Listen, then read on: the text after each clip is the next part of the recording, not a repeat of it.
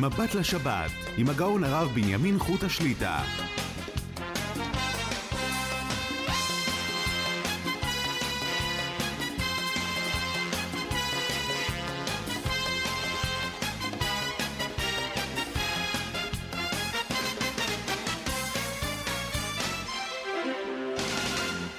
שלום וברכה, אנחנו נמצאים בערב חג הסוכות, מבט לשבת ולחג, תזכו לשנים רבות נעימות וטובות. אנחנו פותחים ב"בתחילו ורחימו".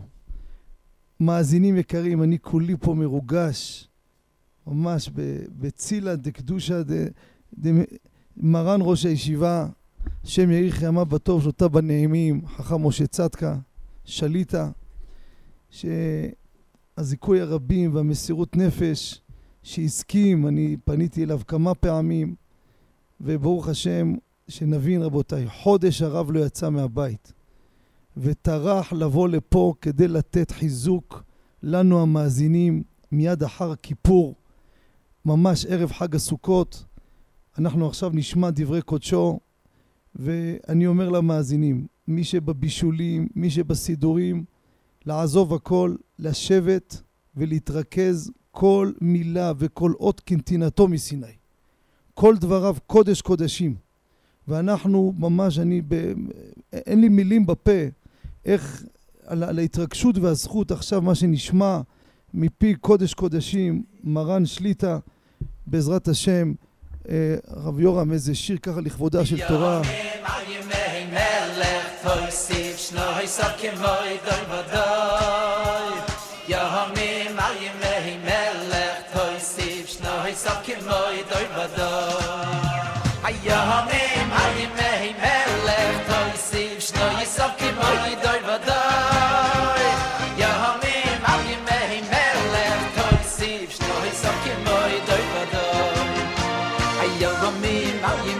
melech toys im shtoy sok im moy doy vadoy mal im melech toys im shtoy sok im moy doy vadoy ayo gabi mal im mei melech toys im shtoy sok im moy doy vadoy mal im melech toys im shtoy sok im moy doy vadoy ayo gabi mal im mei doy vadoy moy doy vadoy ayo gabi mal im mei doy vadoy moy doy אנחנו נתכבד שוב למאזינים שכעת נכנסים לשידור. נמצא איתנו כאן מרן ראש הישיבה, חכם משה צדקה, השם יאריך ימיו בטוב ושלותיו בנעימים. ירחיב גבולו בתלמידים. עכשיו נשמע דברי קודשו לכבוד השנה החדשה, לחגים הקדושים הבאים עלינו לטובה, בכבוד, מורנו ורבנו. כבוד ידידנו היקר, הרב מזכה את הרבים, הרב חוטה, השם ישמרהו וחייהו, להמשיך לזכות ולזכות בבריאות איתנה וחיים טובים שנים רבות.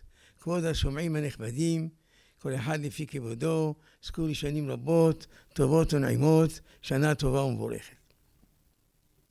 היום אנחנו נמצאים בליל ערב חג הסוכות. עד שאנחנו מקבלים את החג הסוכות הזה, לא עבר תקף.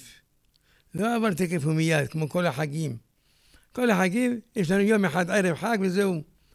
פה הערב הזה מתחיל מראש חודש אלול, רבותיי. חודש אלול, כל החודש סליחות, תפילות, קמים מוקדם, משקיעים ארבע בבוקר, מבקשים סליחה מהשם. למה? ראש השנה, יום הדין, שהקדוש ברוך הוא דן כל אדם ואדם. כל דיבור שהוא מדבר, הקדוש ברוך הוא דן אותו. כך כתוב. בכל מאמר אשר יקראו לפניך נקראים, הכל. והקדוש ברוך הוא דן כל אחד ואחד. ויש לנו עשרת ימי תשובה, שיש בינונים, משאירים אותם. אם חזו תשובה בעשרת ימי תשובה, נכתבים לחיים, אם לא, לא. בעשרת ימי תשובה גם כן מתפללים, והסליחות עוד יותר גדולים, וכולי וכולי.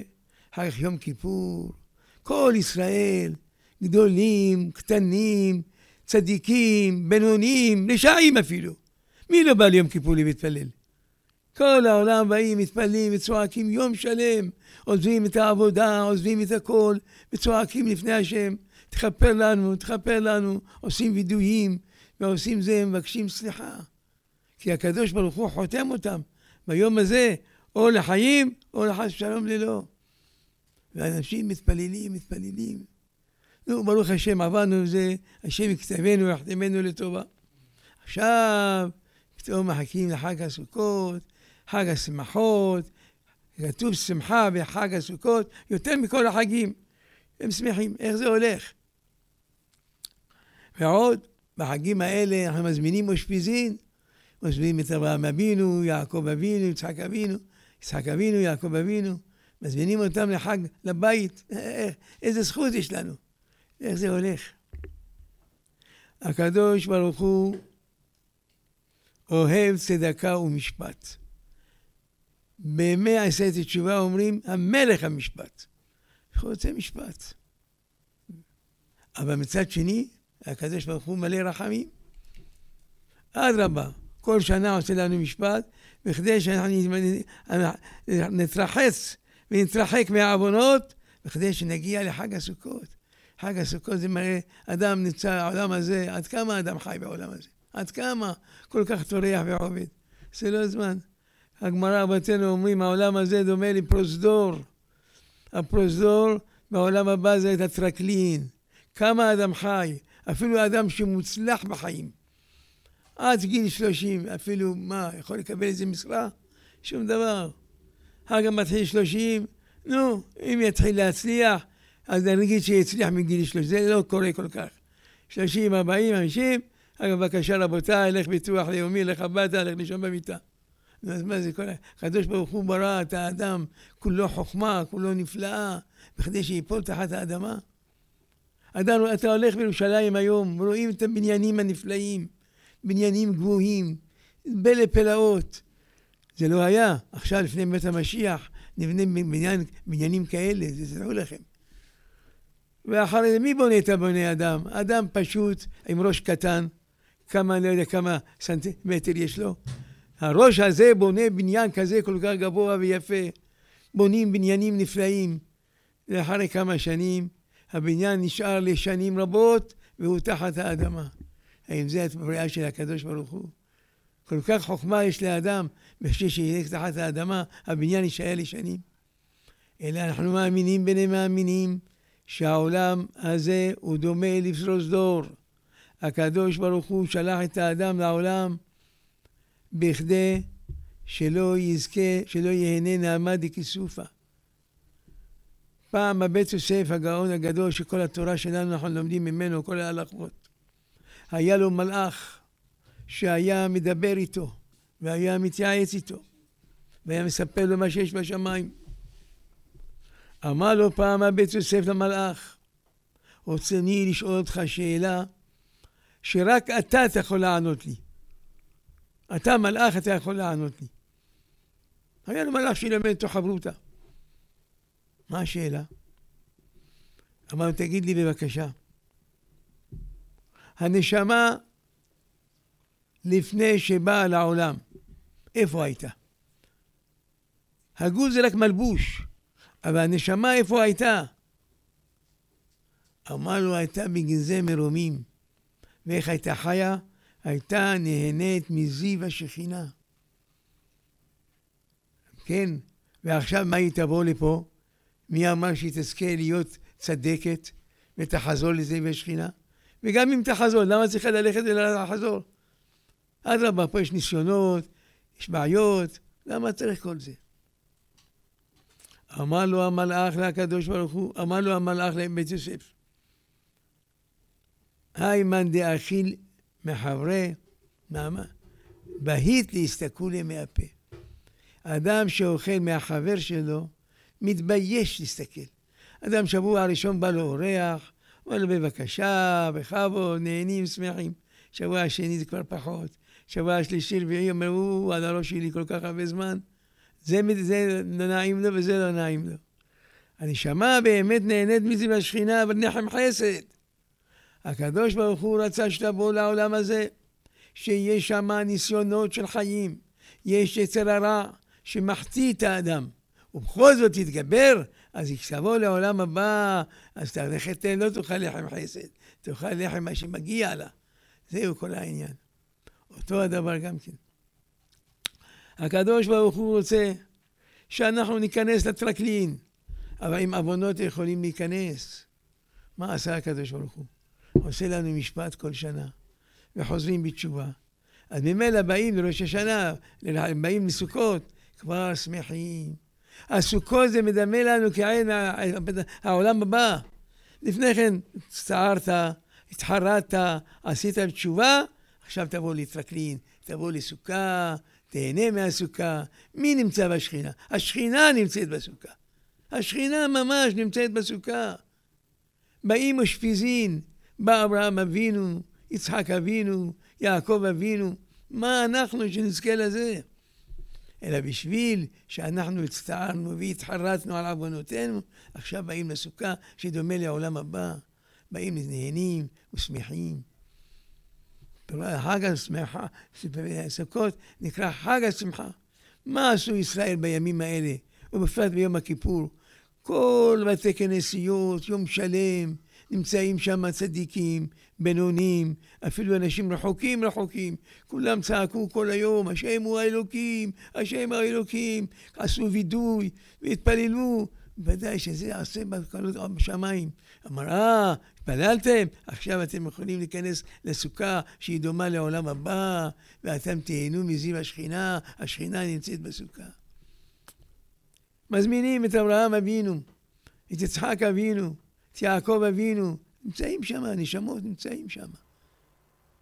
אולו אשפיזין, קדישין, לעולם לעולם סוכה. אבל מה? אנחנו צריכים לדעת, אם אנחנו נכנסים עכשיו לסוכה, שהשכינה שרויה והאשפיזין נמצאים, איך להתנהג בסוכה. ולא רק בסוכה, אלא גם אחרי הסוכה. אחרי כל התפילות האלה, בואו ונחשוב מה עשינו, מה, מה התוודענו בפוק כיפור, שכל היום צעקו עם ישראל, כל ישראל. נראה מה כתוב שם. מה החטאים שאנחנו רגילים להתחת, להיכשל בהם.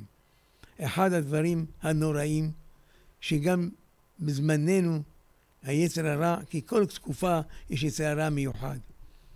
בדורות הנביאים היה עבודה זרה, העבודה זרה התבטל. אמרו חכמים ביטלו אותה, פשוט שטויות איך לעבוד לעץ, אבל זה יצר הרע, אין לו הסברים. אחר כך היה עוד עוונות, עוד עוד. עכשיו יש לנו עוד עוון אחד של יצר הרע בתקופה שלנו, זה עוון המכשירים הטמאים. עוון המכשירים הטמאים. היצר הרע, הוא עשה אסיפה עם כל התלמידים שלו. אמר להם, אנחנו רואים שהדתיים מתקדמים. יש היום הרבה ישיבות, יש היום הרבה דתיים, יש סמינרים לבנות. מה ניתן לדתיים האלה להמשיך להתקדם? העבודה שלנו לקלקל להם, זה העבודה של יצר הרע. עמד היצר הרע ואמר לו, אמר, עמדה תלמיד אחד מהיצר הרע, מהגדולים, אמר לו, אני אגיד לך מה לעשות. תזמין להם סעודה שיש שם ויסקי, דגים, בשר, וכולם יאכלו. אבל בתוך הסעודה, בתוך כל צלחת, תכניס כדור קטן של רעל, ואנחנו נכלה את כולם. ככה בדורנו אמר היצר הרע. מתקדמים, יש ישיבות, יש סמינרים, אבל מה? אנחנו נכניס סעודה, נעשה טלפון. טלפון היום כל אחד צריך. איך אפשר בלי טלפון? כשהיינו צעירים, אה, היה טלפון בכל השכונה, אצל חנות בבית מרקחת. היום כל ילד יש לו טלפון. הטלפון הזה, יש בו כל מיני דברים טובים, אבל נכניס שם את כדור של רעל. מה זה פריצות? פריצות, אוי ואבוי. התורה אמרה, ולא תטורו אחרי לבבכם ואחרי עיניכם. לאו דאורייתא. בתורה יש לנו ארבעה חלקים, עשה, לאו, כרת, מיתת ודין. לא תטורו אחרי לבבכם, זה לאו דאורייתא. וזה התוודענו ביום כיפור וצעקנו על חטא שחטאנו במראית העין. ואיך ייתכן אדם אחרי כיפור שיתוודה וצעק לפני השם על חטא שחטינו במראית העין, שיהיה לו טלפון טרף, שיש שם פריצות. הוא מעוור את העיניים שלו. רבותיי, צריכים לדעת, מי שיודע קצת תורה, שאין הבדל בין מי שאוכל חזיר למי שמסתכל בבית במקום פריצות. למה זה לאו וזה לאו? פה כתוב ולא תטורו, ופה כתוב את החזיר לא תאכלו. מי מאיתנו שאוכל חזיר? חלילה וחס. אבל יצר הרע טמטם אותם. עשה, יגיד, לא, זה טלפון. אבל מה זה טלפון? לא, הכנסנו איזה כדור קטן. מה זה כדור קטן? אתה מעוור את העיניים. ובכן, מוריי ורבותיי, כולנו נזכור שהתפללנו בבית כיפור, צעקנו לפני השם, תמחול לנו, תמחול. על מה? אחד מהעוונות, על חטא שחטאנו במראית העין. ואתה אחרי הכיפור, אתה יושב מסתכל במראית העין? האם זה מתאים? אני אומר שאחרי הכיפור זה ימי המבחן. אתה התוודית, בכית, בוא נראה אותך אחרי הכיפור, מה אתה עושה. אתה התוודית שאתה לא מסתכל, אתה בוכה על מראית העין, איך יש לך טלפון ואתה מסתכל שם פריצות, ואתה עובר עליו לאורייתא, אתה עובר עליו כמו שאתה אוכל חזיר, זה לאו וזה לאו, אתה לא מתבייש? איך יכול להיות דבר כזה? זה ימי מבחן, הימים שאחרי כיפור זה מבחן, התוודית, רימם, את מי אתה מרמה? אתה צעקת ובכית, אשריהם ישראל, אני מאמין באמונה שלמה, כל אלה שהיו בכיפור התפללו מכל הלב, וכולם חזרו בתשובה. אבל מה לעשות שהיצר הרע חזר אחרי כיפור ומכשיל אותם. אבל אנחנו לא צריכים לשמוע על יצר הרע. גם בווידוי שאומרים בכיפור, אומרים על חטא שחטאנו ביצר הרע. מה זה ביצר הרע? לפעמים היצר הרע מחטיא אותנו. אבל גם זה אתה צריך להתגבר, זה התפקיד שלך. ובכן, מוריי ורבותיי, זהו אנחנו עושים עכשיו. באה התורה ואומרת, עשיתם תשובה, אני מקבל את התשובה שלכם. אני לא מדבר מאותם האנשים שלא עשו את התשובה וחוזרים. עכשיו תיכנסו לטרקלין כמו בעולם הבא. הטרקלין זה הסוכה, איזה יופי, השכינה נמצאת. באים אורחים נכבדים, אברהם אבינו, יצחק אבינו, יעקב אבינו, כל יום בא אורח אחד. בא אברהם, בא יצחק. ומה עושים בסוכה? שרים שירי סוכה, ואומרים, מה הסוכה הזאת אומרת לנו? הסוכה הזאת אומרת לנו שהשם הציל אותנו משם, ממצרים, ובאנו לסוכה, וסמן דאמר אומר סוכה, ענני כבוד. מה זה ענני כבוד? לא סתם סוכה. ענני כבוד, זאת אומרת, השכינה הייתה על ראשנו. זה היה בסוכות. אז גם כן זה מעין זה. לכן כשאנחנו באים לסוכות, עלינו לשמוח שמחה גדולה. אבל לשמוח שמחה גדולה ולזכור שאנחנו עשינו תשובה. אבל אם אנחנו חלילה, אנחנו נמצאים בסוכה ואנחנו עדיין ממשיכים את אותו הדרך, מי צריך אותך פה? מי צריך אותך? העוון של מראית העין, העוון של המכשירים הטמאים, זה עוון נורא ואיום. כל העוונות, לא כתוב מה שכתוב על העוונות של מראית העין. במראית העין כתוב, ולא, וכי תועבת השם, מי, ש, מי שמסתכל וזה, הקדוש ברוך הוא, אה? כן. ולא יראה בך ערוות דבר, ושם מאחריך. אנחנו הולכים לבית הכנסת. לשם מה הולכים לבית הכנסת? כי שם השכינה שלויה. ובכיס שלו יש טלפון טרף, אריות. אומר לה השכינה, אתה בא אליי? האם אני לא רואה מה שיש לך בכיס? יש לך בכיס טלפון טרף. אתה מרחיק את השכינה, למה אתה בא אליי? אני מוכן להתרחק ממך. אני אומר, ואני חושב, שאם היינו כל ישראל שוברים את הטלפונים האלה, ולא היה לאף אחד טלפון טרף, היינו נכנסים ישר לבית המקדש. עם ישראל היום, בתקופה כזאת, תקופה של פחד, באים כל כך הרבה אנשים לכותל. מדוע לא נכנסים בפנים? אנחנו נשים בכותל, שמים את היד על יד הכותל. למה זה דבר, דבר דומה? לאבא שגירש את הילד ולא רוצה להכניס אותו לבית. הילד עומד ליד הדלת, שם את היד, הוא בוכה, אבא, תכניס אותי, תכניס אותי, לא מכניס אותו. למה לא מכניסים? מתי? שום תקופה לא היה כל כך ציבור גדול בכותל, כמו בתקופתנו. מיום הבנייה בית המקדש. מדוע לא נכנסים? מדוע צריכים לעמוד ליד הכותל מיד? אבל איך אפשר להיכנס לבית המקדש עם טלפונים? הרי ברגע שאתה מכניס את הטלפון הטרף ויש שם ערוות דבר, הקדוש ברוך הוא בורח. כל בית המקדש זה השכינה שם, אתה מבריח את השכינה, איך אפשר להיכנס? אם היינו כולנו שוברים את הטלפון הטרף, היינו נכנסים לבית המקדש, אני חושב. ישר. ויגיד אדם לעצמו, מה, התפללתי, מרחה את מראית העין, אני ממשיך? איך זה ייתכן? אבל מי שבאמת, ברוך השם, הרבה בחורים, הרבה אנשים מבוגרים באים ושוברים את הטלפון. ואז אלה יכולים להיכנס לבית, לסוכה, יכולים להיכנס גם לבית המקדש, מפני שהם שברו את הטלפון הטרף.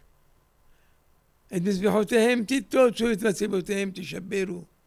כמה הוא שמח שרואה שבן אדם זורק, שובר את הטלפון שלו, והוא יושב במקום הזה. כמה הוא שמח בו. ובכן, שאנחנו עכשיו באים לסוכה ונכנסים, אברהם אבינו נמצא, יצחק אבינו בא, יעקב אבינו. אברהם אומר, נו, יש לי בנים, ברוך השם, יושבים בסוכה, מדברים דברי תורה, מדברים דברים מצוינים, דברים של שטויות לא מדברים, דברים של עוונות לא מדברים, לא מספרים מה, פוליטיקה, מוליטיקה, כל שטויות, הכל הקדוש ברוך הוא המשגיח. כן, יושבים שרים שירי תורה, אומרים דברי תורה, כמה הקדוש ברוך הוא שמח. כמה אבות שמחים. אוי, ברוך השם, יש לנו בנים כאלה. אבל אם אברהם אבינו יושב ושומע שטויות, אם אברהם אבינו שומע רדיו שמדבר שטויות, אז אוי ואבוי, אוי ואבוי. אברהם אבינו, מה אני עושה פה? מה אני עושה פה? לכן, מוריי ורבותיי, חזק, חזק ונתחזק. כולנו עכשיו, לפני סוכות, בכדי להיכנס למקום הקדוש הזה, מקום שהשכינה נמצאת, אברהם אבינו נמצא, לשבור את הטלפון. לא אחד ולא שתיים באים אליי ושוברים את הטלפון. ואני אומר להם, תיקחו את הטלפון לטרף ותגידו לפני שאתם שוברים, הרי אני בא לקיים את הפסוק, את מזבחותיהם תיטוצו ואת מצבותיהם תשברו וזורקים אותו חזק ושוברים אותו. ואז הקדוש ברוך הוא שמח. כל המלאכים נותנים מחאים כפיים. או, זה חזר בתשובה. זה נקרא תשובה אמיתית. עלינו להמשיך את החג הסוכות, שנהיה שמחים, שאבותינו יהיו שמחים.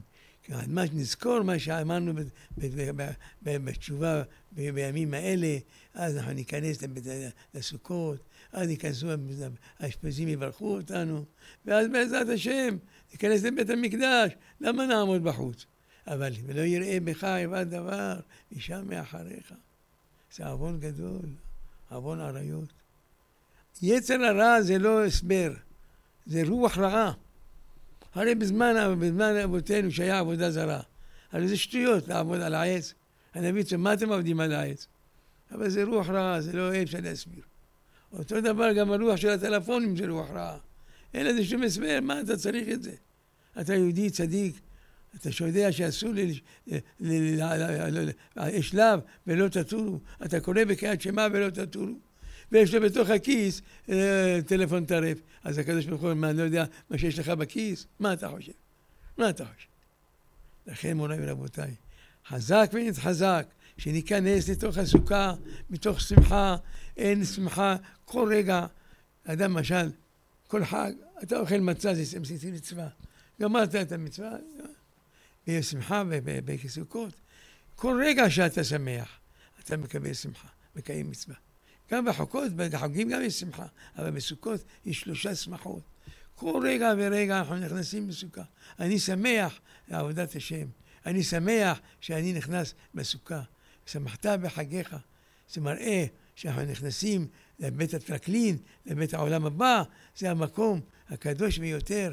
אחרי התשובה יכולים להיכנס לטרקלין, יכולים להיכנס לסוכה הקדושה, ושם נמצאים האשפיזין, ומברכים אותנו.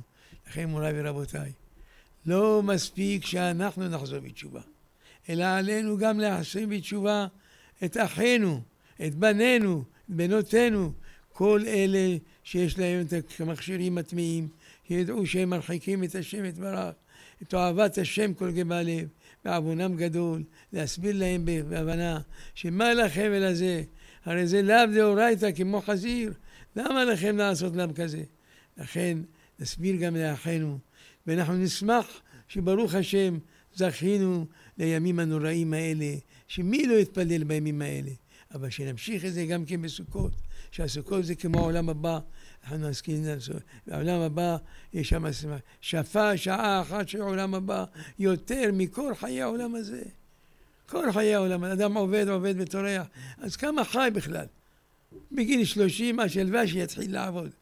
ואחר כך, עד גיל כמה זה, חמישים, לך הביתה לישון. אתה לא ראוי כבר. נו, אז מה? ואילו אנחנו פה בעולם הבא, אין גבול. אין גבול. משך, אין שעה אחת שהעולם הבא יפה מכל חיי העולם הזה.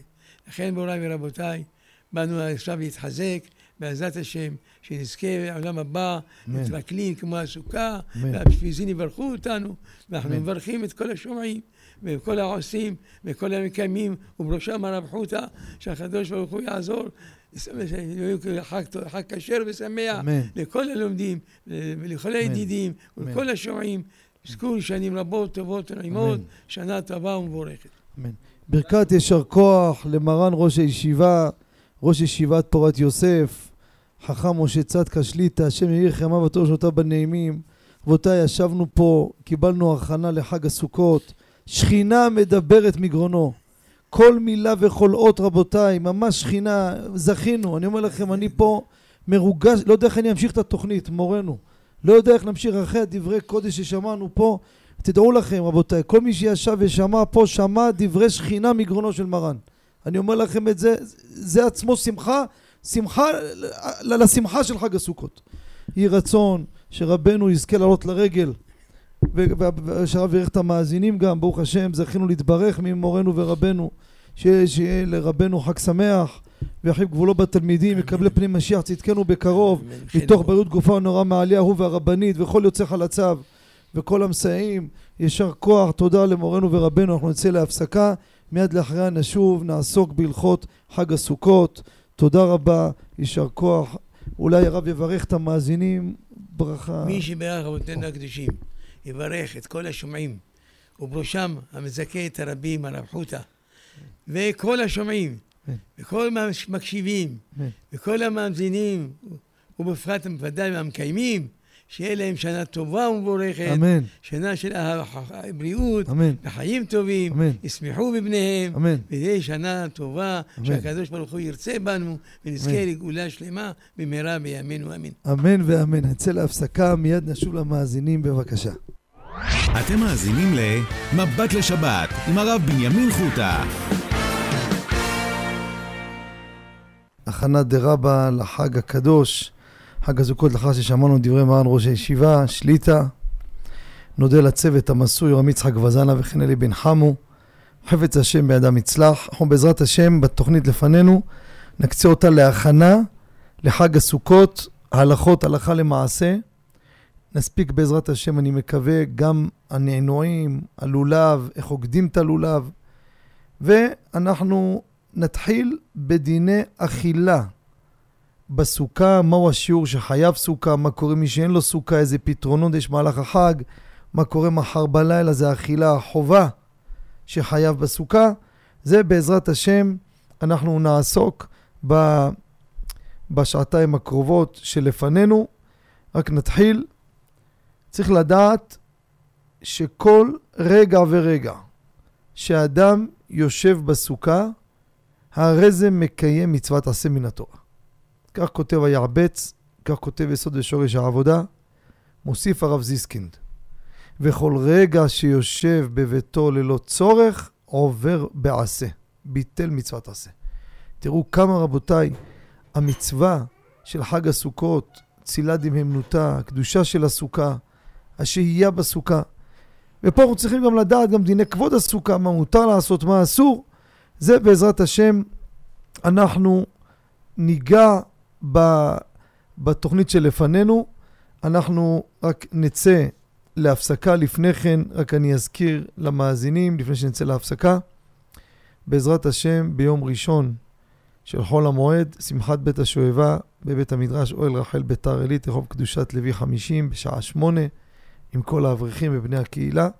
ובעזרת השם, מוצאי שמחת תורה, הקפות שניות, כפי המסורת, בשידור חי ברדיו קול ברמה, מבית המדרש אוהל רחל ביתר עילית, מיד לאחר ערבית, שידור חי, עם התקליטן המפורסם נוראי בן שימול, פה בשידור חי ברדיו, מוצאי שמחת תורה, עם כל האברכים והקהילה, אבל אתם בבית תרקדו בשידור חי ברדיו. אנחנו נצא להפסקה, מיד לאחריה נשוב לתוכנית בבקשה.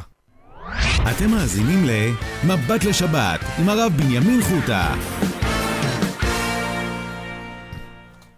שבנו מהפסקה, בעזרת השם, אנחנו עכשיו נעסוק באכילה בסוכה. בעזרת השם, מחר בלילה זה ליל חג הסוכות. אני רוצה לחלק את דיני שיעורי האכילה, מה מותר לאכול חוץ לסוכה, מה חייב בסוכה, נחלק את זה לשני פרקים. פרק ראשון, חובת האכילה בליל חג סוכות. רבותינו קיבלו, וזה י"ג מידות שהתורה נדרשת בהם, זה למשה מסיני, למדו כמו בחג הפסח. פסח יש חובה לאכול, בערב תאכלו מצות. גם בליל סוכות יש חובה לאכול כזית לחם בסוכה. גם מי שאין לו סוכה, חייב לדאוג לאכול בסוכה. איך יעשה? יש בית כנסת בשכונה, יגיד לגבאי, אם יש גישה שם מבחוץ, אז יבוא, יישב שם, אחרי התפילה, אם לא יבקש מפתח, אוכל בסוכה, גומר ברכת מזון, הולך הביתה. זה חובה. תכף נדבר מהבוקר ועד שמחת תורה. יש שיעורים שונים מתי חייב לאכול בסוכה או לא. אבל בלילה חובה לאכול כזית. יש מחמירים לאכול כבצע. ויש אומרים תאכל, זה אותו דבר, שתי כזיתים, מה זה כזית? 27 גרם לחם, חלה, פיתה, לא משנה. שתי כזיתות זה 54. למה שתיים? אחד, כמו בליל הסדר, אחד לאכילת המוציא, אחד לאכילה זה, גם פה, אחד להמוציא ואחד לאכילה בסוכה. זה חומרה, אבל מעיקר הדין, כזית. עכשיו נשים לב, רק בלילה הראשון מחר, מי שאוכל כזית לחם, מברך ברכת אשר קדישנו תתב ציינו להישב בסוכה. מאחר כך, עד סוף החג, לא מברכים להישב בסוכה אם אדם אוכל עד קבצה לחם. עד 54 גרם, לא מברך להישב בסוכה. לא חייב סוכה בכלל. עד קבצה. מעל קבצה. מעל 54 גרם. למה? בית הבליעה מחזיק קבצה. זה אכילת עראי. אכילת עראי מותר חוץ לסוכה. אבל בלילה זה משהו אחר. זה חובה, גזירה שווה, 15, 15, כמו חג המצות, כמו שאמרתי. כמה זמן תאכלו את הלחם מחר בלילה? שימו לב. חייב לאכול אותו כמו בליל הסדר. אכילת פרס. בין 2 ל-4 דקות. זה המון זמן. אחד שאין לו שיניים, קשה לו, ימשוך עד 7-8 דקות. ראוי לא לדבר. מהקידוש עד אחרי שאוכלים את הכזית. לא לדבר. וגם, הטוב ביותר אני אומר, מי שקשה לו אפשר לסמוך על מי להקל. אבל הכי טוב לאכול את הלחם הזה מחר בלילה בלי סלט. בלי תוספת. עשינו המוציא, חילקת לכולם, תאכלו עכשיו את הכזית, או המחמרים אוכלים קבצה, תאכל אותו בזריזות, בלי סלט, בלי שום דבר. זה האכילה של המצווה מן התורה. מתי לאכול את זה? צאת הכוכבים. נכון שמרן הרב עובדיה כותב כל צאת הכוכבים 13 וחצי דקות אחרי השקיעה, פה הוא כותב, בגלל שזה מהתורה, הוא כותב 20 דקות אחרי השקיעה. עכשיו, בגלל שהאכילה זאת חובה, גם לא אוכלים מחר ביום שישי כדי שיאכל לתיאבון. תכף נסביר מה זה אכילה. האיסור הוא, יש אומרים, וכך פוסק מרן הר עובדיה, משעתיים אחרי חצות היום, זה נקרא שעה עשירית. מי שמחמיר מחצות היום תבוא עליו ברכה. זה אוכל סעודה.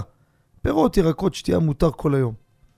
כל זה כדי שתהיה אכילה בלילה לתיאבון.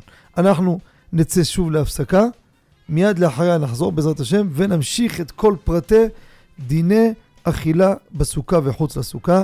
נצא ונחזור מיד בבקשה.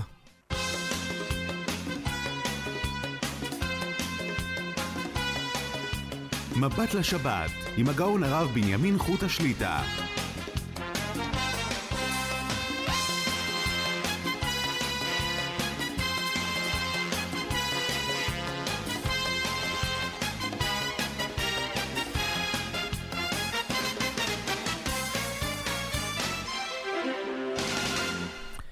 שבנו לשעה שנייה מבט לשבת ולחג, חג סוכות, נודה שוב לצוות המסוי רמי יצחק וזנה וכן אלי בן חמו. חפץ השם בידם יצלח להגדיל תורה ולאדירה. אז אנחנו נמצאים בהלכות חג הסוכות, כפי שסיכמנו את החלק הראשון בשעה הקודמת, יש מחר חובת אכילה בסוכה בליל החג. זה חובה לאנשים לאכול לחם כזית. אמרנו לכתחילה לאכול אותו בלי סלט, בלי כלום. לאחר מכן לאכול סלטים, הכל רגיל, כן? אבל האכילה הראשונה, לאכול אותה בלי לדבר, כמו בליל הסדר. עכשיו, מה קורה לשאר הימים, חול המועד, שבת, יום טוב, מה זה יום טוב? בעזרת השם, יום טוב הראשון, בבוקר. לא בלילה. אז ככה, שימו לב. לחם ומזונות. בואו נתחיל. לחם עד 54 גרם, כולל 54, מעיקר הדין, לא חייב סוכה.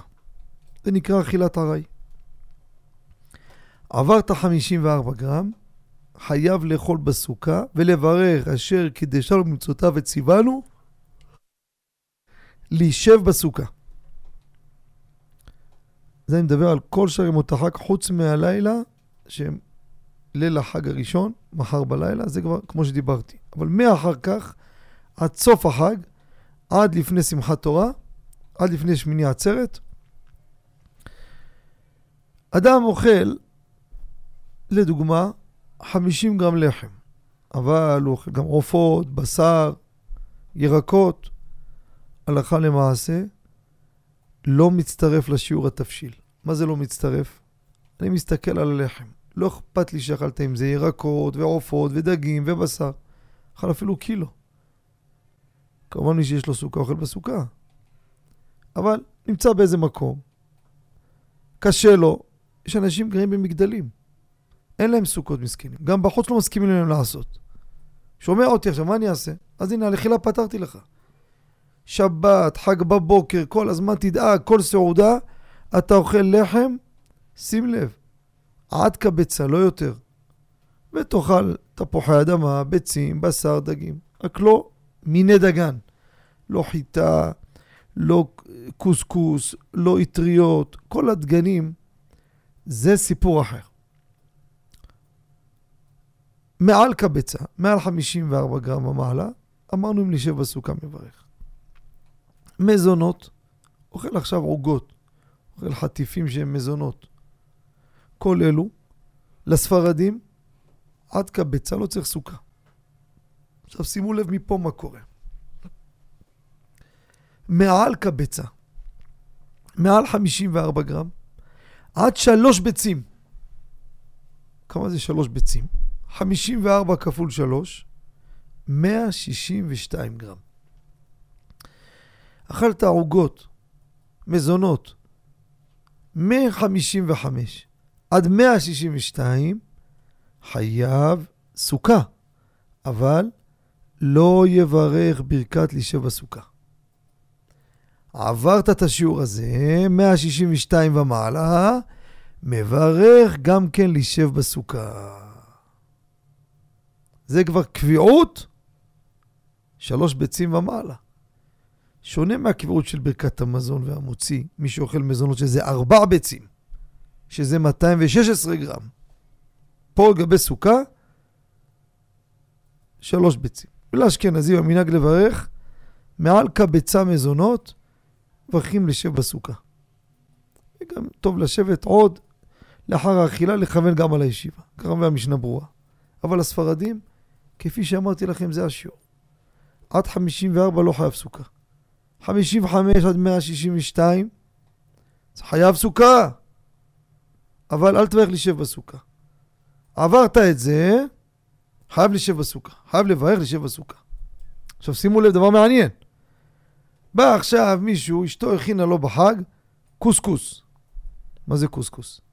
מיני דגן, סולת, אטריות. כל, כל המיני דגנים. תבשיל, שאתם יודעים, יאכל אדם חמש קילו תבשיל, מעשה קדרה, מיני דגן, אין לו ברכת המזון. זה לא מאפה. זה נקרא מעשה קדרה. זה כל השנה. בסוכות, הכללים אחרים.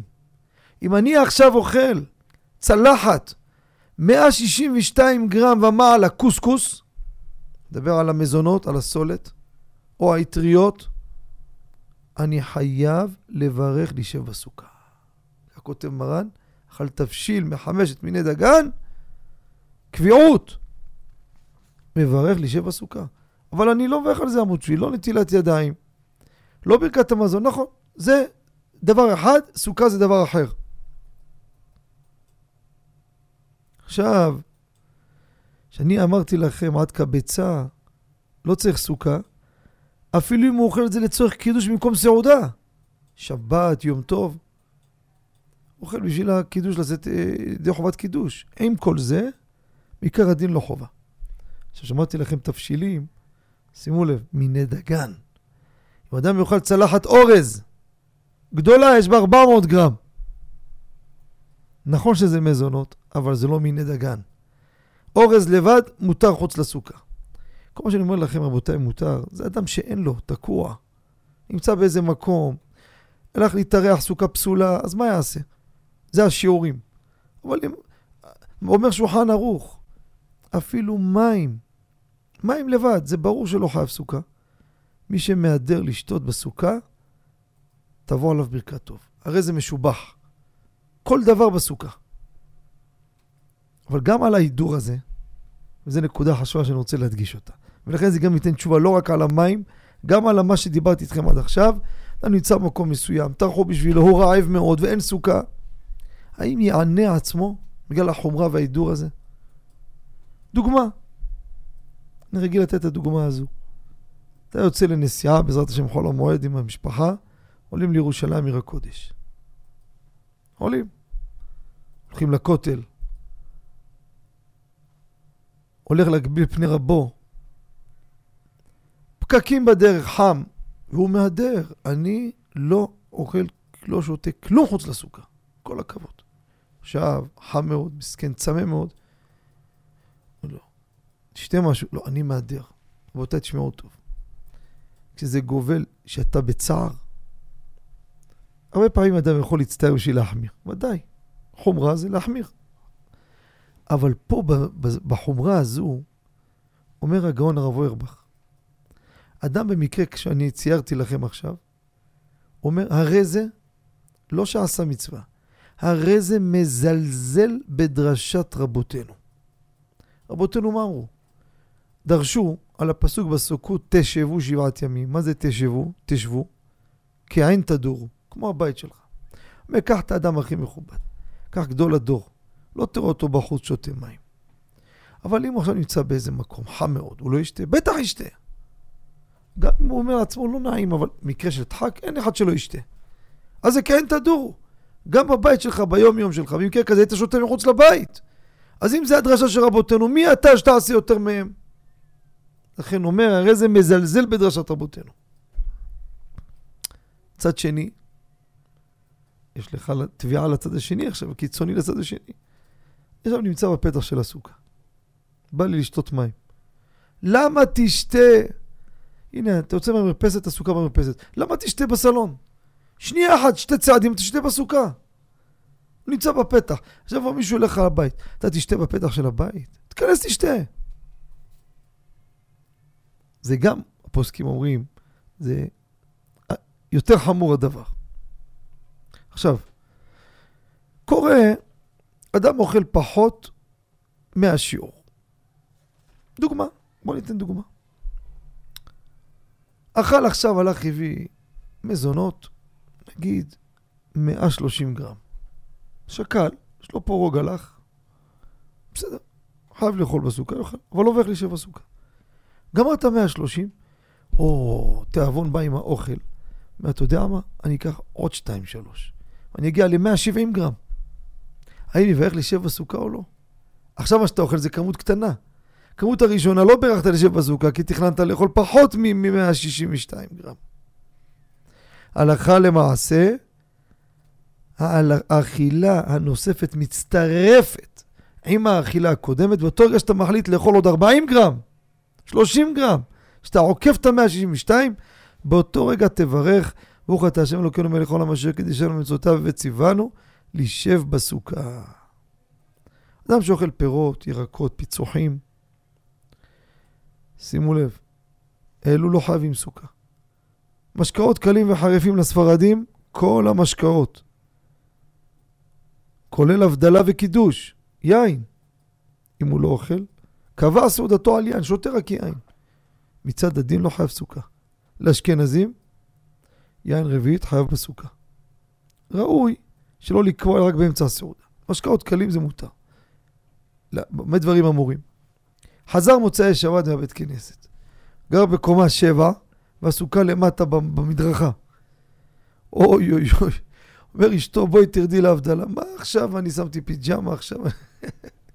תלבש, קשה לרדת כל זה עכשיו ונעלה ונרד. קשה. לספרדים, אין בעיה. לך תעשה לה בבית, פלוס השוטה רביעית, יש פה דוחק מקוצת הדימות. המהדרים, תבוא עליהם ברכת טוב. עכשיו, לספרדים, עכשיו זה קולות לספרדים, יש חומרה לספרדים שאשכנזים מקלים בה. מה היא?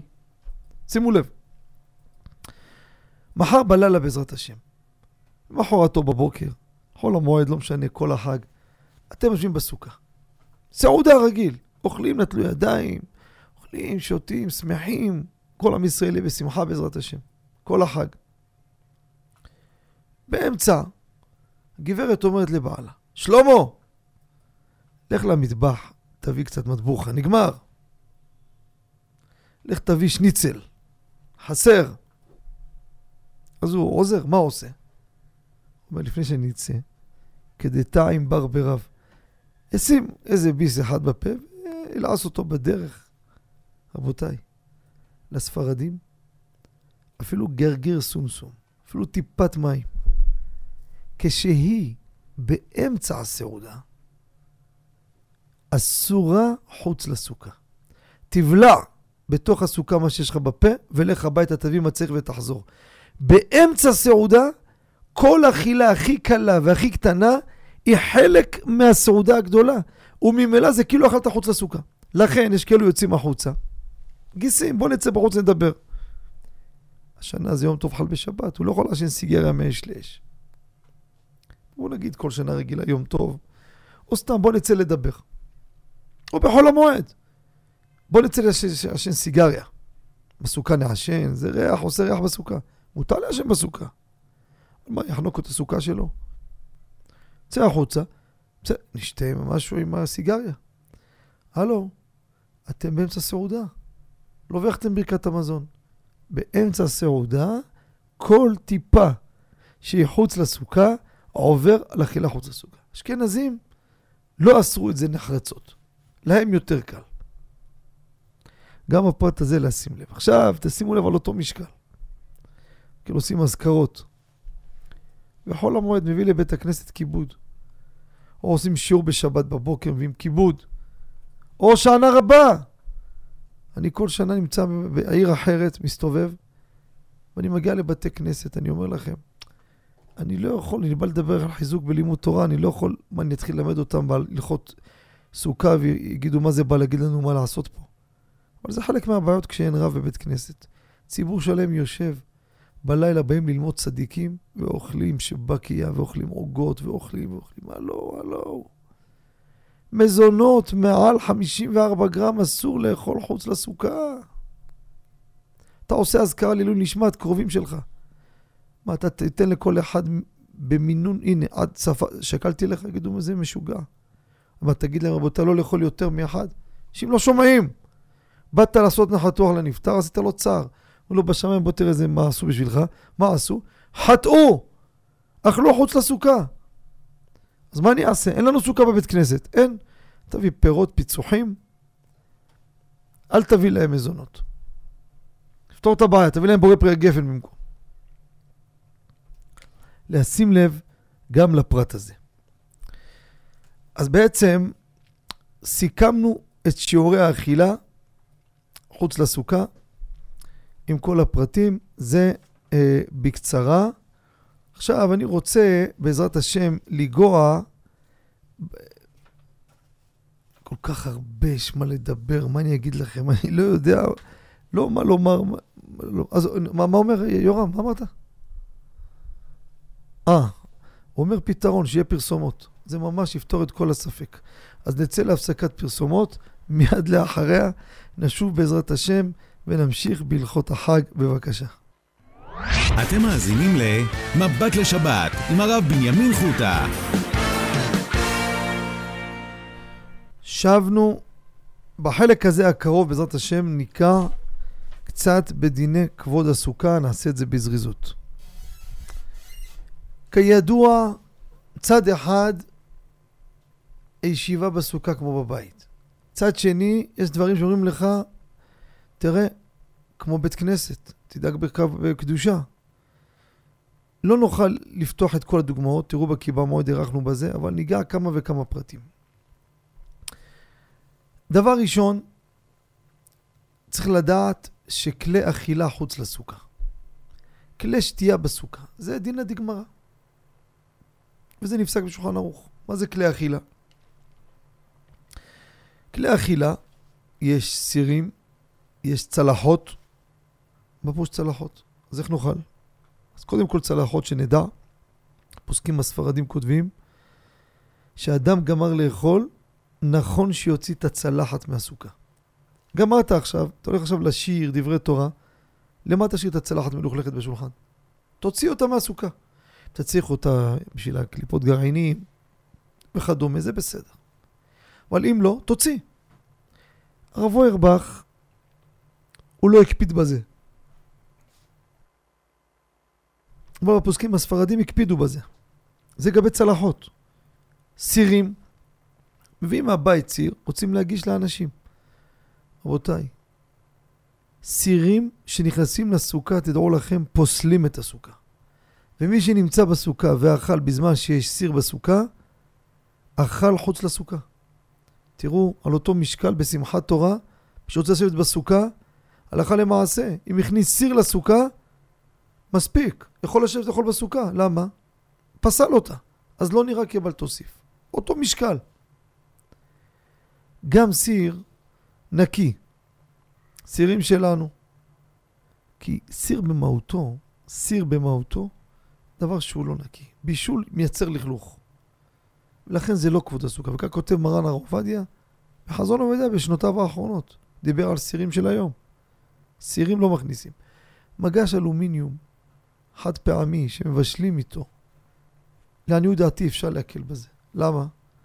הוא גם משמש לבישול, גם לכלי הגשה. סיר, גם אם אתה רגיל בבית להביא לשולחן, בטלה דעתו. אסור לך להביא את זה לסוכה. אבל זה מגש מיועד גם להגשה. כמו מגשי פיירקס, דורלקס, וגם החד פעמי מתכת. את זה אפשר להביא. אם בישלתם בזה אפשר להגיש.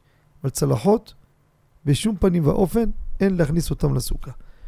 קומקום חשמלי, הבאנו בספר קיבה מועד, מותר שיהיה בסוכה. רוצה להרתיח מים לעשות כוס תקן. לבשל בסוכה, אסור. על האש בסוכה, גם אסור. בישולים זה פעולה של לא ניקיון. זה... כלי שתייה. כלי שתייה, אומרת הגמרא, בסוכה. למה? מה ההבדל? כוס, הוא לא, הוא לא נהיה מאוס אחרי שגמרת לשתות. הוא נקי. גם אם שתו בו, זה לא מלוכלך. ועוד טעם, אין קבע לשתייה. תמיד אדם אומר שהוא גמר לשתות, פתאום הוא צמא, ישתה עוד. לכן זה לא צריך להוציא החוצה.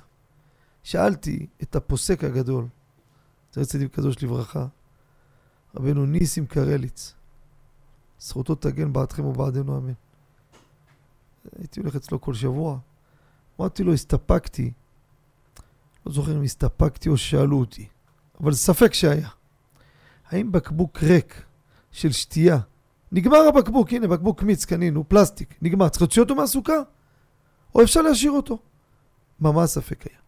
מצד אחד, הוא לא מאוס. מצד שני, הוא לא כמו כוס. כוס, גם אם גמרת לשתות, עוד מעט תרצה לשתות. אין קבע לשתייה. אבל בקבוק, גמור, מה תעשה איתו? מישהו ממלא אותו? שום דבר. והכריע החכם, הלכה למעשה, להקל. אני מחשיב אותו כמו כוס. לא חייב בקבוק ריק להוציא החוצה. לא חייב. על פי הקבלה, כלי ריק לא משאירים בשולחן. למה? שפע נתפס לא בכלי ריק, בכלי שיש בו משהו. זה סתם בדרך אגב, כל השנה. נחזור לענייננו. לעשן סיגריות, נרגילה, כל הדברים מותר בסוכה. להיזהר לא להחליף חיתולים, טיטולים, לא משנה בין כמה הילד, לא משנה מה עשה. חוץ מכבודכם, גדולים או קטנים, לא מחליפים בסוכה, רבותיי. יוצאת החוצה. לא כבוד הסוכה. להעניק מותר בסוכה בצניעות. פח אשפה, תלוי. כתבנו בספר, אם זה בבית לא שמים פח אשפה. למה שמים בסלון פח אשפה? זה כמו הסלון שלך. סוכה של ציבורית, כמו בית מלון וכדומה, רגילים לשים פחים, מפזרים אותם, אז יהיה מותר.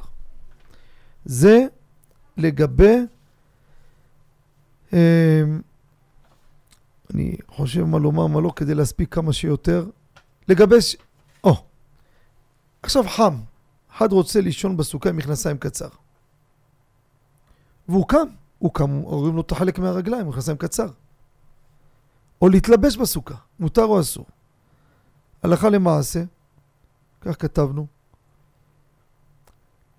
מכנסיים קצר אין בעיה. אדם רגיל בבית לישון מכנסיים קצר, גם בסוכה, אין בעיה. אבל להיות בסוכה, או להתלבש, אתה נמצא, כל הרגליים שלך גלויים, נמצא רק עם לבנים רבותיי, זה לא כבוד הסוכה. להוריד את החולצה ואתה נמצא עם גופייה בזמן שאתה מתלבש, זה בסדר. זה בסדר. מכנס קצר, כמו שאמרתי, זה בסדר. לא פריצות. אבל לגמרי, שאלו אותי כמה, מתחת לשמיכה, חם לו מאוד, הוא לא יכול. אבל הוא מכוסה כולו, זה בסדר, לא רואים אותו, אין בזה שום בעיה. שינת ארעי, רבותיי, אסור לישון חוץ לסוכה, אסור לישון. מה זה שינת ארעי?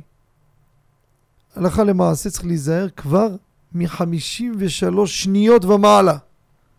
זאת אומרת, אם זה 30 שניות, עשה מישהו, תחזיר אותי כל 30 שניות, זה בסדר. אבל 53 שניות זה כבר אסור. זה לשים לב גם לדבר הזה.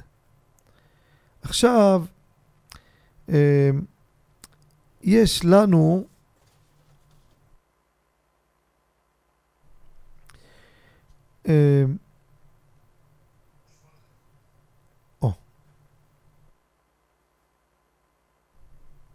אה, או, אני תוך כדי שאלתי במיקרופון השני, כמה זמן יש לנו שנדע איך לתמרן את, ה, את מה שיישאר לנו. אז בואו נעבור קצת ל...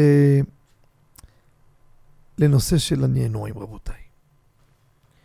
ולקחתם לכם ביום הראשון פרי עץ הדר, זה אתרוג. כפות תמרים, לא כתוב וכפות תמרים, כפות תמרים. משנה ברורה ישנים בטעות דפוס, הוסיפו ו', בתורה לא כתוב כך. כפות תמרים, וענף עץ אבות וערבי נחל. שימו לב, יש פה שתי קבוצות. פרי עץ הדר, לבד. כפות תמרים, וענף עץ אבות וערבי נחל. מה זה החילוק הזה? מפה למדו שקושרים את הלולב עם ההדסים והערבות, והאתרוג לא קושרים אותו איתם, הוא בא בנפרד. למה? פריץ אדר, אה. כפות תמרים, מה זה? לולב. וענף עץ אבות, זה הדסים. וערבי נחל, הנה שלושתם ביחד. עכשיו, הם שלושה מצוות. האתרוג מצווה אחת. לולב ביד ימין, אתרוג ביד שמאל. מברכים, אשר שלום מצוותיו וציונו נטילת לולב. למה לולב? לולב הוא הכי גבוה, גבוה זה שבח. שואלת הגמרא, תגביה את האתרוג, מה הבעיה? במינו גבוה מכולם. יפה. השנה חל יום ראשון בשבת. כמו שחל ראש השנה לא תקענו בשופר ביום הראשון, לא ננענע ארבעת המינים. תראו מה זה גזירות חכמים, מה זה כוח יש לחכמים. לעקור דבר מהתורה בשב ואל תעשה. התורה אמרה תעשה, אנחנו אומרים לך אל תעשה. ויש להם רישיון ועשית ככל אשר יראוך. ולמה עשו את זה? מה העניין? חשש שמא חס ושלום יוצאים מרשות לרשות בשבת ויעבור על חילול שבת. השם יצילנו. תראו, על זה ביטלו מצווה מן התורה. תראו מה זה חומרה של השבת הקדושה. עכשיו, לפני שנגיע בנענועים, אני רוצה לדבר על ההגידה של הלולב. קודם כל, המנהג שעוקדים את הלולב בערב יום טוב. ערב יום טוב. ערב יום טוב השנה זה ערב שבת. תגיד לי, אבל אני לא מנענע בשבת. נכון, אבל המנהג בערב יום טוב. לא הספקת, אתה לא רוצה להתייבש, אין לך איפה לשמור, אז מוצאי שבת. אבל עדיף ערב יום טוב. שימו לב עכשיו, רבותיי, איך אנחנו עוקדים את הלולב. שימו לב.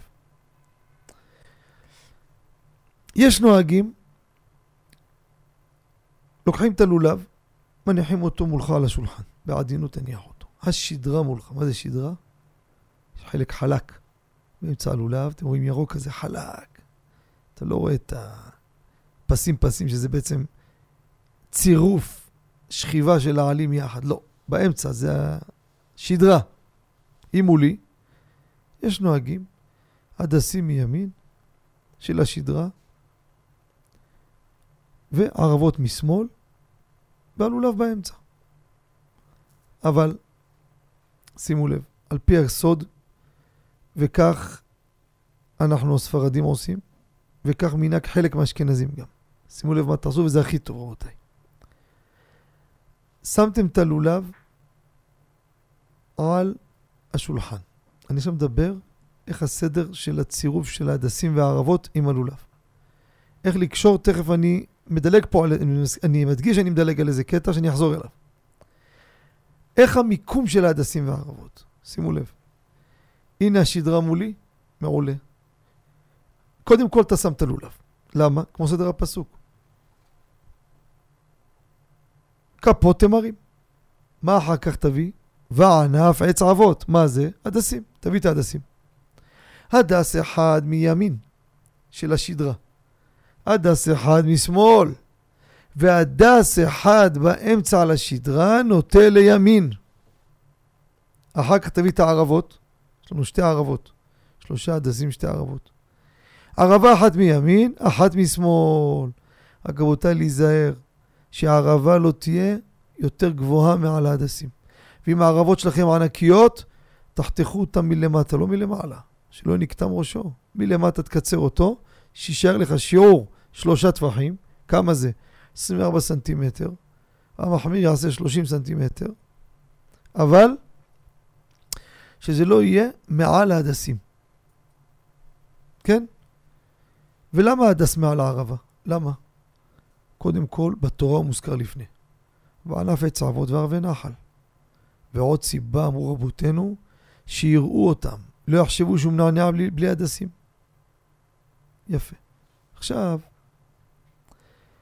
לכתחילה אני אומר, זה לא מעכב, לכתחילה. כשאתם שמים את זה על הלולב, שימו אותו צמוד לחלק התחתון. מדוע? שאיפה שתאחזו, תאחזו, תתפסו את הלולב, היד שלכם תתפוס ביחד גם את הדסים והערבות. אבל זה לא מעכב. גם אם שמת את הדסים למעלה והערבות, ואז בעצם אני מסתכל למטה על לולב, השדרה לבד למטה. אם אני תופס למטה, אני תופס רק לולב. והדסים והערבות קשורים. לא מעכב. למה לא מעכב? זה נקרא לקיחה על ידי דבר אחר. שמע לקיחה.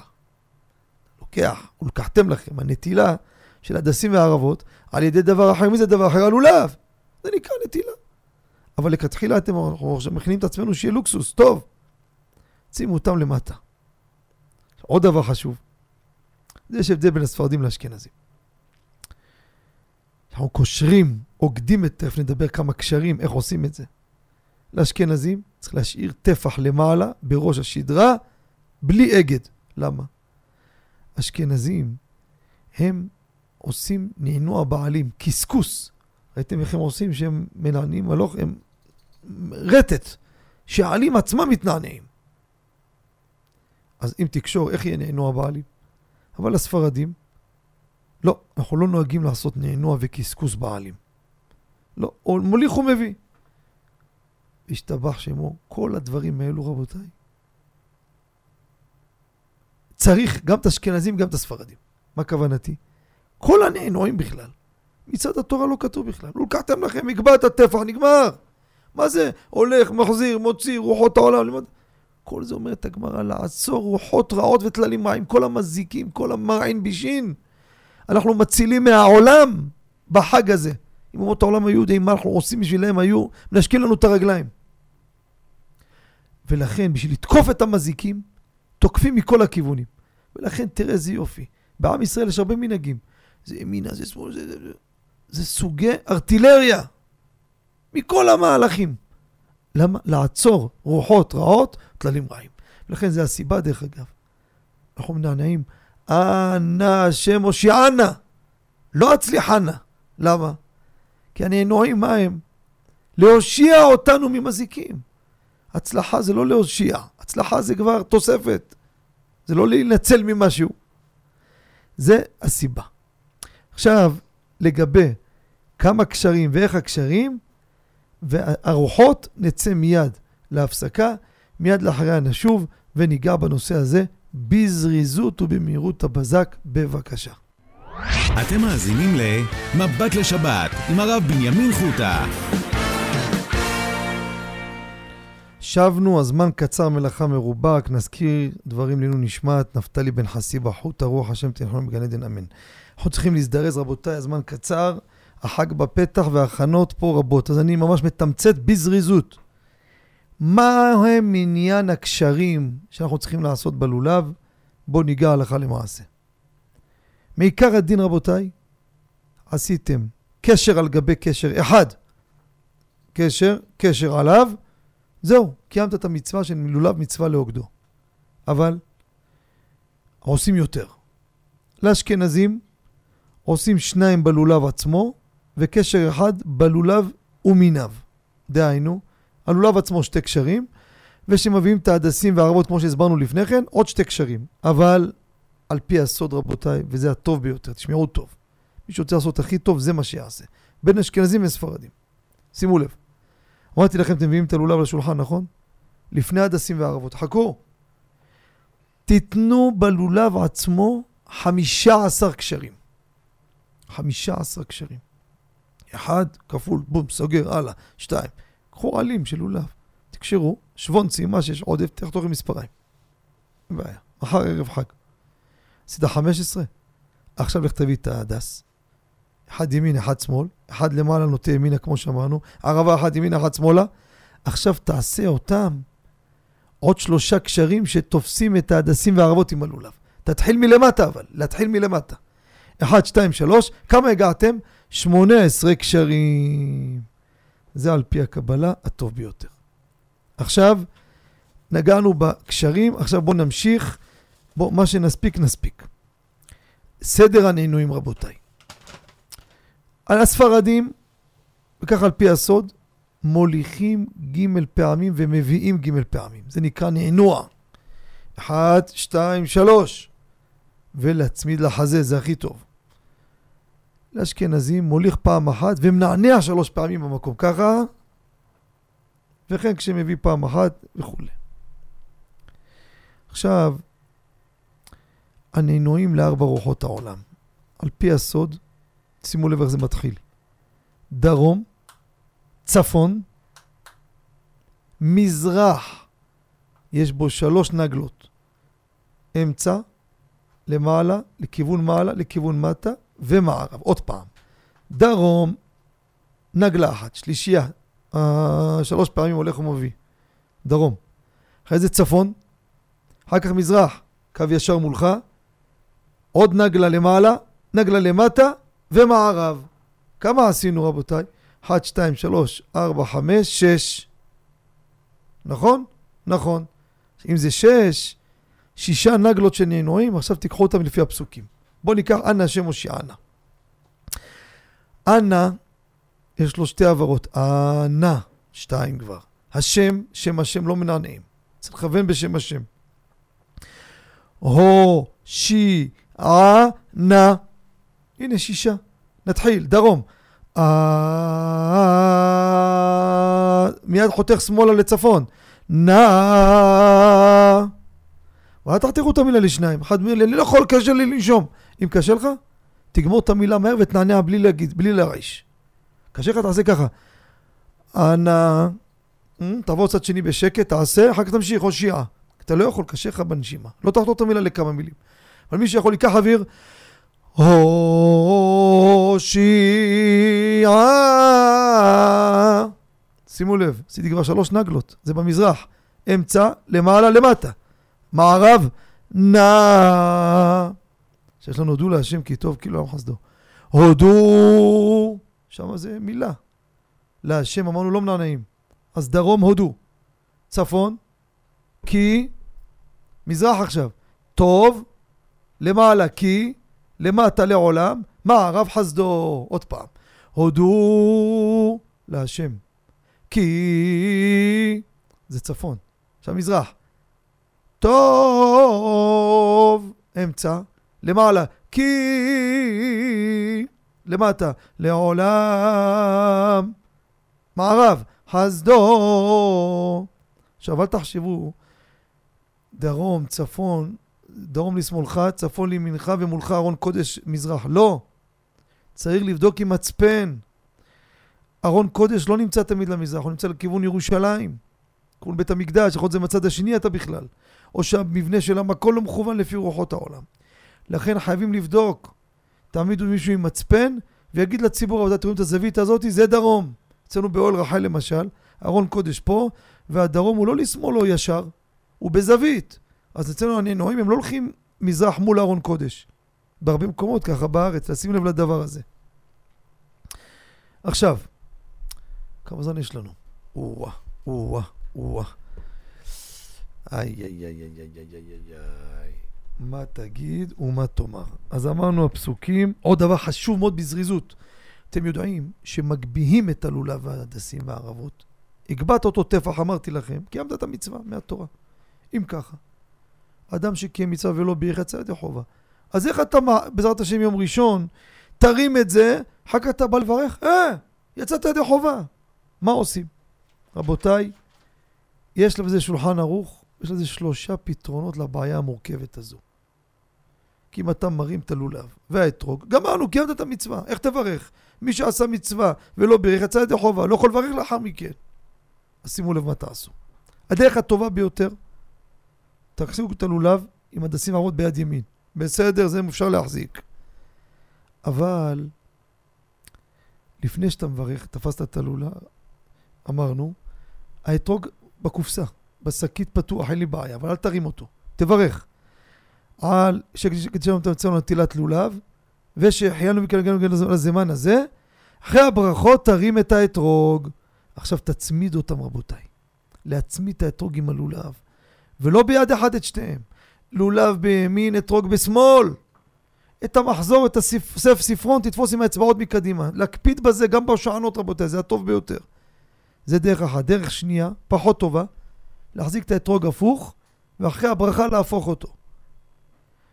פחות טוב, לא נאריך כרגע למה. ועוד דרך עוד יותר פחות טובה, לכוון שלא לצאת עד אחרי שהוא מברך.